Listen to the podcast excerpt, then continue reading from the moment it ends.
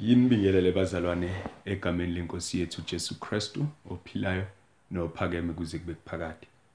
Ake sikhuleke egameni lika Jesu. Baba wethu ongcwele, yise wenkosi yethu Jesu, dalo wezulu nomhlaba.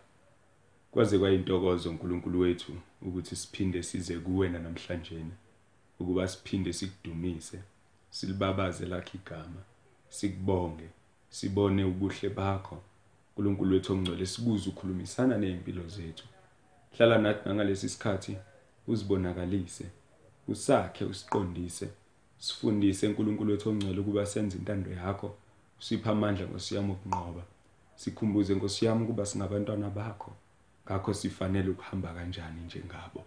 Silondoloze ngosiyami ngokukholwa. Usithwale usinqobele zonke izimo esibhekana nazo. ngoJesu Kristu siyakucela lokho cacisa izwi lakho einhlizweni zethu. Li siyale ngalo lihlale einhlizweni zethu silondoloze ngalo sifundise ukwenza intando yakho.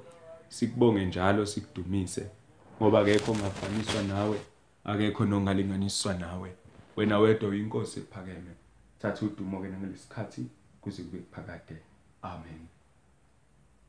Bazalwane izwi lenkosi namhlanje na silithola encwadini yokuqala kaJohn Johann incwadi yokuqala kaJohn chapter 3 verse 1 to verse 3 esizofunda bezalwane. First John chapter 3 verse 1 to verse 3 la kufundeka khona kanje.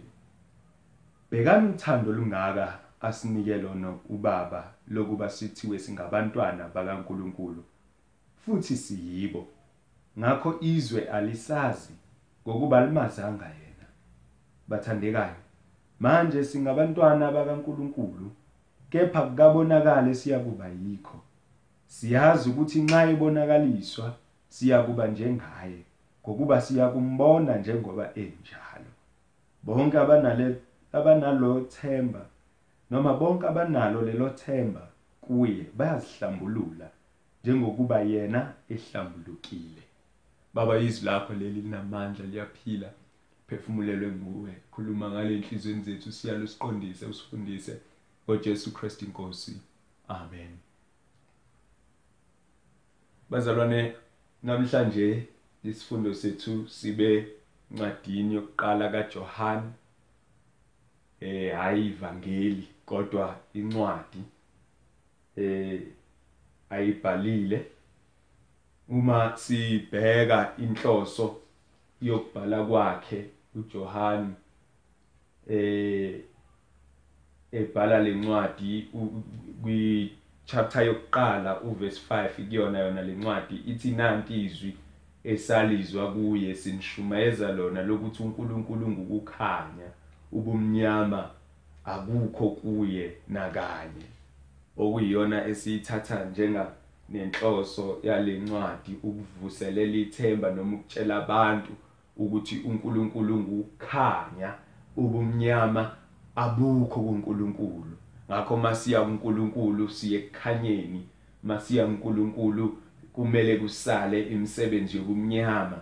Masiya kuNkulunkulu kumele kusale ubumnyama izono kumele isalele emuva. Ngoba siya kuNkulunkulu ongcwele ongukukhanya. So lithi ke izwi likaNkulunkulu lesifunde khona bhekani uthando olungaka asinike lona ubaba lokuba sithiwe singabantwana bakaNkuluNkulu. Siyazi ke bazalwane ukuthi asifanelekanga ukuba sithathwe njengabantwana bakaNkuluNkulu. Siyazi ukuthi asifanele ukubizwa njengabantwana bakaNkuluNkulu ngoba sibe izoni noma siyizoni siyamhlubuka uNkulunkulu asimgcini sigcina imiyalelo yakhe asenzi njengalokhu esiyala senza ngalendlela esithanda ngayo asilaleli nokulalela izwi lakhe sihlale senza okuphambene nomthetho wakhe. Ngakho ke ngalokho asifanele ukwenze njani bazalwane ukuba sibizwe noma sithathwe njenganabantwana bakaNkuluNkulu. Selithi ke izwi likaNkuluNkulu ke lana lithi ke bhekani uthando olungaka asinike lona ubaba. Lokuba sithiwe singabantwana bakaNkuluNkulu. Johann mebhala la usibukisa umusa usibukisa uthando. Oluvela kubaba ukuthi sithe singafanele sinjalo kodwa akazange aze sithathe nje njengabantu abangafanele kodwa usithathe njengabantwana bakhe. Wasinikeza lona lolu thando usinike kanjani lolu thando? Usinikeze ngokuthi uKristu Jesu ezemhlabeni afe endaweni yethu. La kade thina sifanele ukufa la kade thina sifanele ukulahla la kade thina eh sifanele ukubhubha ngenxa yezono zethu kodwa uNkulunkulu wahlisa uJesu ngomsa wakhe nangothando lakhe ukuba izono zethu ububi bethu bonke bubalelwe kuye ebese thina siyakhuleka njengalokhu lisho ke iBhayibheli John chapter 3 verse 16 ukuthi njengalokhu uNkulunkulu walithanda kangaka izwe waze wanikela ngendodana yakhe izelo yodwa ukuba ilona loyo okholwa yiyo angabhubhi kodwa abe nokuphila okuphakade. Ngakho ke bazalwane ilona lolu thando athi uJohani bhekani uthando olungaka asinike lona ubaba ukuba sithiwe singabantwana bakaNkuluNkulu. Uma ke sibuka lokho ukuthi uNkulunkulu wehlisa uKristu endaweni yethu masibuka lokho ukuthi uKristu wahlupheka ukuze thina singasahlupheki uma sibuka ukuthi eh ngemvimbo yakhe siphilisiwe thina. Masibuka ukuthi eh wathula njengemvu phambi kwabagundi bayo ehlupheka wahlushwa wathukwa washawa wabethelwa wabulawa ukuze thina sikhuleke thina ke sesithola umusa sibuka ukuthi uNkulunkulu usinikeze lo thando futhi sibake nesiqiniseko lokuthi sini singabantwana bakaNkulunkulu. Ilokhu phela akushoyo uJohn lamegcizelela ethi futhi siyibo. Bazalwane uthando lukaKristu lusenze saba neassurance lusenze saba assured ukuthi uma sikholwa uye singabantwana bakaNkuluNkulu. Noma abantu bengathini ngathi noma abantu bengakhulumani ngathi kodwa sinesiqiniseko noma singadlula kweziphi izimo kodwa sineqiniseko sokuthi singabantwana bakaNkuluNkulu. Ilokhu ke akushoyo futhi eh, nombhali kuma Hebrew 2 verse 11 uma ezothakana mahloni okusibiza ngokuthi singabafowabo.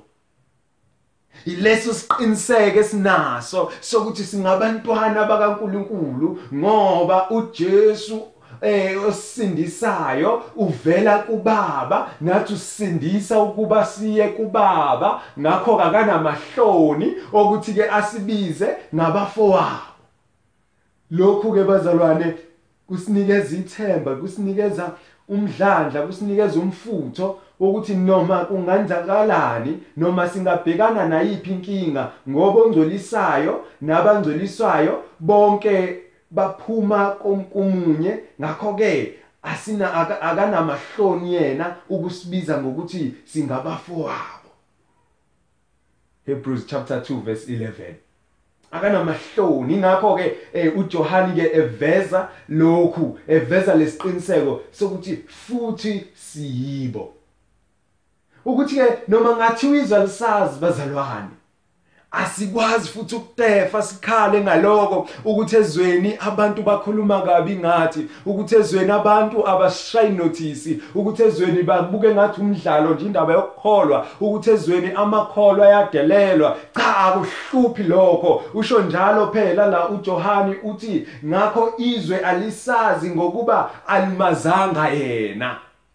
Ngamanye amazwi ngeke baze baqale ukunothisa thina ngoba bahluleke ukumbona yena qobo lakhe efikile elithi izwi likaNkuluNkulu wafika kwabakhe abakhe abamazanga. Wafika kokwakhe okwakhe akumfunanga. Wafika esizweni sakhe isizwe sakhe samxosha asimamkelanga kodwa lokhu esikubonileyo sakubamba ngezandla sakuzwa kufundisa ikona lokho esifakaza ngako namhlanje na ukuthi uKristu indodana kaNkulunkulu. Ikona lokho kusinikeza ithemba lokuthi ke noma ngathi uyizwa lisazi noma ngoba limazanga yena kodwa thina sinesiqiniseko sokuthi singabantwana bakaNkulunkulu. Noma izwe lingasazanga vela limazanga osenze abantwana bakaNkulunkulu. Mufunda ku John chapter 15 verse 18 uzothola lapho uJesu yathi ningamangali uma izwe linizonda vele naye limzondile. Bathandekayo manje singabantwana bakaNkuluNkulu kepha kukabonakala siyakuba yikho. Siyazi ukuthi nxa yobonakalisa siyakuba njengaye ngokuba siyakumbona njengoba enjalo. Bazalwane namhlanje nakusasa uma sibhekana nezinhlupheko sibhekana nezinhlupheko njengabantu abangakholwa siyalingwa nathi njengabantwana abangakholwa siyashayeka nathi njengabantu abangakholwa. Eh amaKristu ayadivorce abantu abangakholwa bayadivorce amaKristu ayafa abantu abangakholwa bayafa. Eh izimo esibhekana nazo zicishe yifane. Imvula mayina inetha wonke umuntu ilanga malishisa lishisa wonke umuntu namhlanje na. Kodwa sinalesiqiniseko sokuthi manje thina noma singabantwana bakaNkuluNkulu akabonakale siyakuba yiko. Mahlupheka sahlupheka sonke mhlawumbe size sihlupheke kakhulu thina amaKristu. Ubona abantu laba zathi umbhalo wehubo mabebheke ezulwini bathuka inhlamba bakhuluma abakuthandayo kodwa izinto zibahambela kahle. Athi unyawo lami cishe lashelela kodwa ngithema ngibheka eh, isource yengcebo yabo. Ngayibona ukuthi iyabhubha injengomuntu olelo sebuthongweni kodwa mevuka uvuke engenalutho ngamanye amazwi noma ngabonakala siyakuba yiko manje noma singahlupheka namhlanje nakusasa kodwa liyeza usuku la siyobonakala khona noma singashayeka namhlanje nakusasa kodwa asimi sithi eyethi indaba ayipheleli lana kepha iphelela emaphakadeni. Ngamanye amazwi inhlupho zanamhlanjena inhlupho zesikhashana inhlungu zanamhlanjena inhlungu zesikhashana. Ukugula kwanamhlanjena kugula kwesikhashana ukuhlupheka nosizi nokulahlwa nokudela kwanamhlanjena kuyohlala ingunaphakade namhlanje nakusasa asikabonakala ukuthi siyini kodwa sizovela. Nxa ebonakaliswa yena siyofana naye. Nayinto amaKristu ahluke ngayo ukuthi noma inhlupho nensizi zigaba eh usizi ludlumunyu eh sihlupheka okwesikhashana nabantu abangakholwa. Inhlupheko yethu akusiyo yangunaphakade. Kodwa inokuphela inesikhathi esiphela ngaso bese singena eh kwi glorification kwinjabulo engunaphakade sesimbethe imizimba yethu emisha imizimba engenakukhathala imizimba engenakugula imizimba awu sinefe silibekele ekhaya ezulwini. Nona namhlanje nabe singabukeka njengabantu abaswela abahlwempu abangenalutho. Kodwa induduzo yethu ipepheleleyo ingeyokuthi asisebona bethu kodwa ngomzimba nangomoya singaba kaNkuluNkulu wethu owasinqobela wafa uKristu uJesu endaweni yethu ukuze thina sizuze ukuphila okungunaphakade. Ngakho ke singabantwana bakaNkuluNkulu ngokukholwa. Hamba ufunda uGalatians chapter 3 verse 26 ngokukholwa singabantwana bakaNkuluNkulu. uRomans 8 verse 14 athi uma siphila siphilela inkosi noma sifa sifela inkosi ngakho ke noma siphila noma sifa singabe inkosi.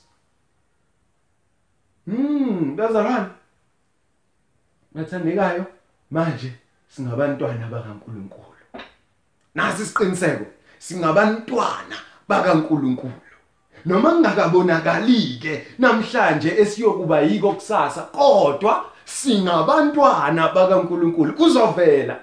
Mayibonakaliswa siyofana naye. Athi siyisizwe esikhethekile.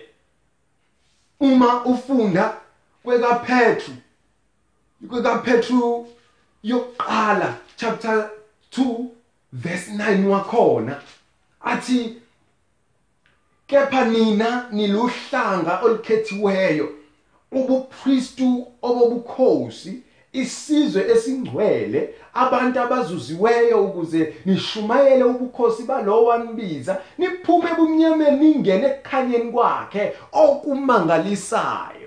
Naku bazalwane esikusho singabantwana bakaNkuluNkulu njengoba senziwe kade singasisi isizwe sakhiwa saba isizwe kade siluhlanga kade lingakhethiweyo senziwa abakhethiweyo ngomusa kaNkuluNkulu. There is why kwavusa umpostoli Paul kuba bashumayele ezizweni ukuthi lokho kade kubukeka kungcolile kungabe kusathathwa njengokungcolile ukuze sizuzwe sibe lutho. Bhekana uthando lungaka asinike lona ubaba. Lokuba kusithiwe singabantwana bakaNkuluNkulu.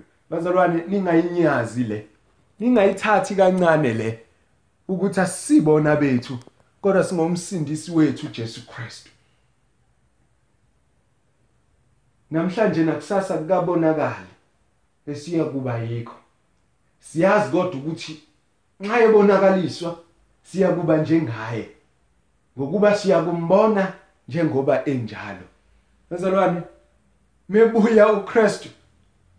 Okwesibili uyokuthi mebuya sifaniswe naye. Mm siyobe singasasweli siyobe singasakhali siyobe singasahlupheki siyobe singasashayeki siyobe singasadeleki siyobe singasadelelwa siyobe sesiyamaqhawe sesimbethe ingubo zokunqoba sesimbethe ingubo ezimhlophe sesihuba simdumise esamthanda singambonanga owasithanda wasenza wasibumba wasakha wasibeka endaweni esingazange ukuthi sifike kanjani kuyo. Ngobani esithandile? Bekana uthando olungaka asinike lona ubaba lokuba sithiwe singabantwana bakaNkuluNkulu. Akukabonakali namhlanje kodwa mefika uKristu kuyakuvela. Ngokuba siyakuba njengaye mhlambe akusho lokhu ukuthi siyoba amaJuda cha. Akusho lokhu ukuthi siyoba belungu cha.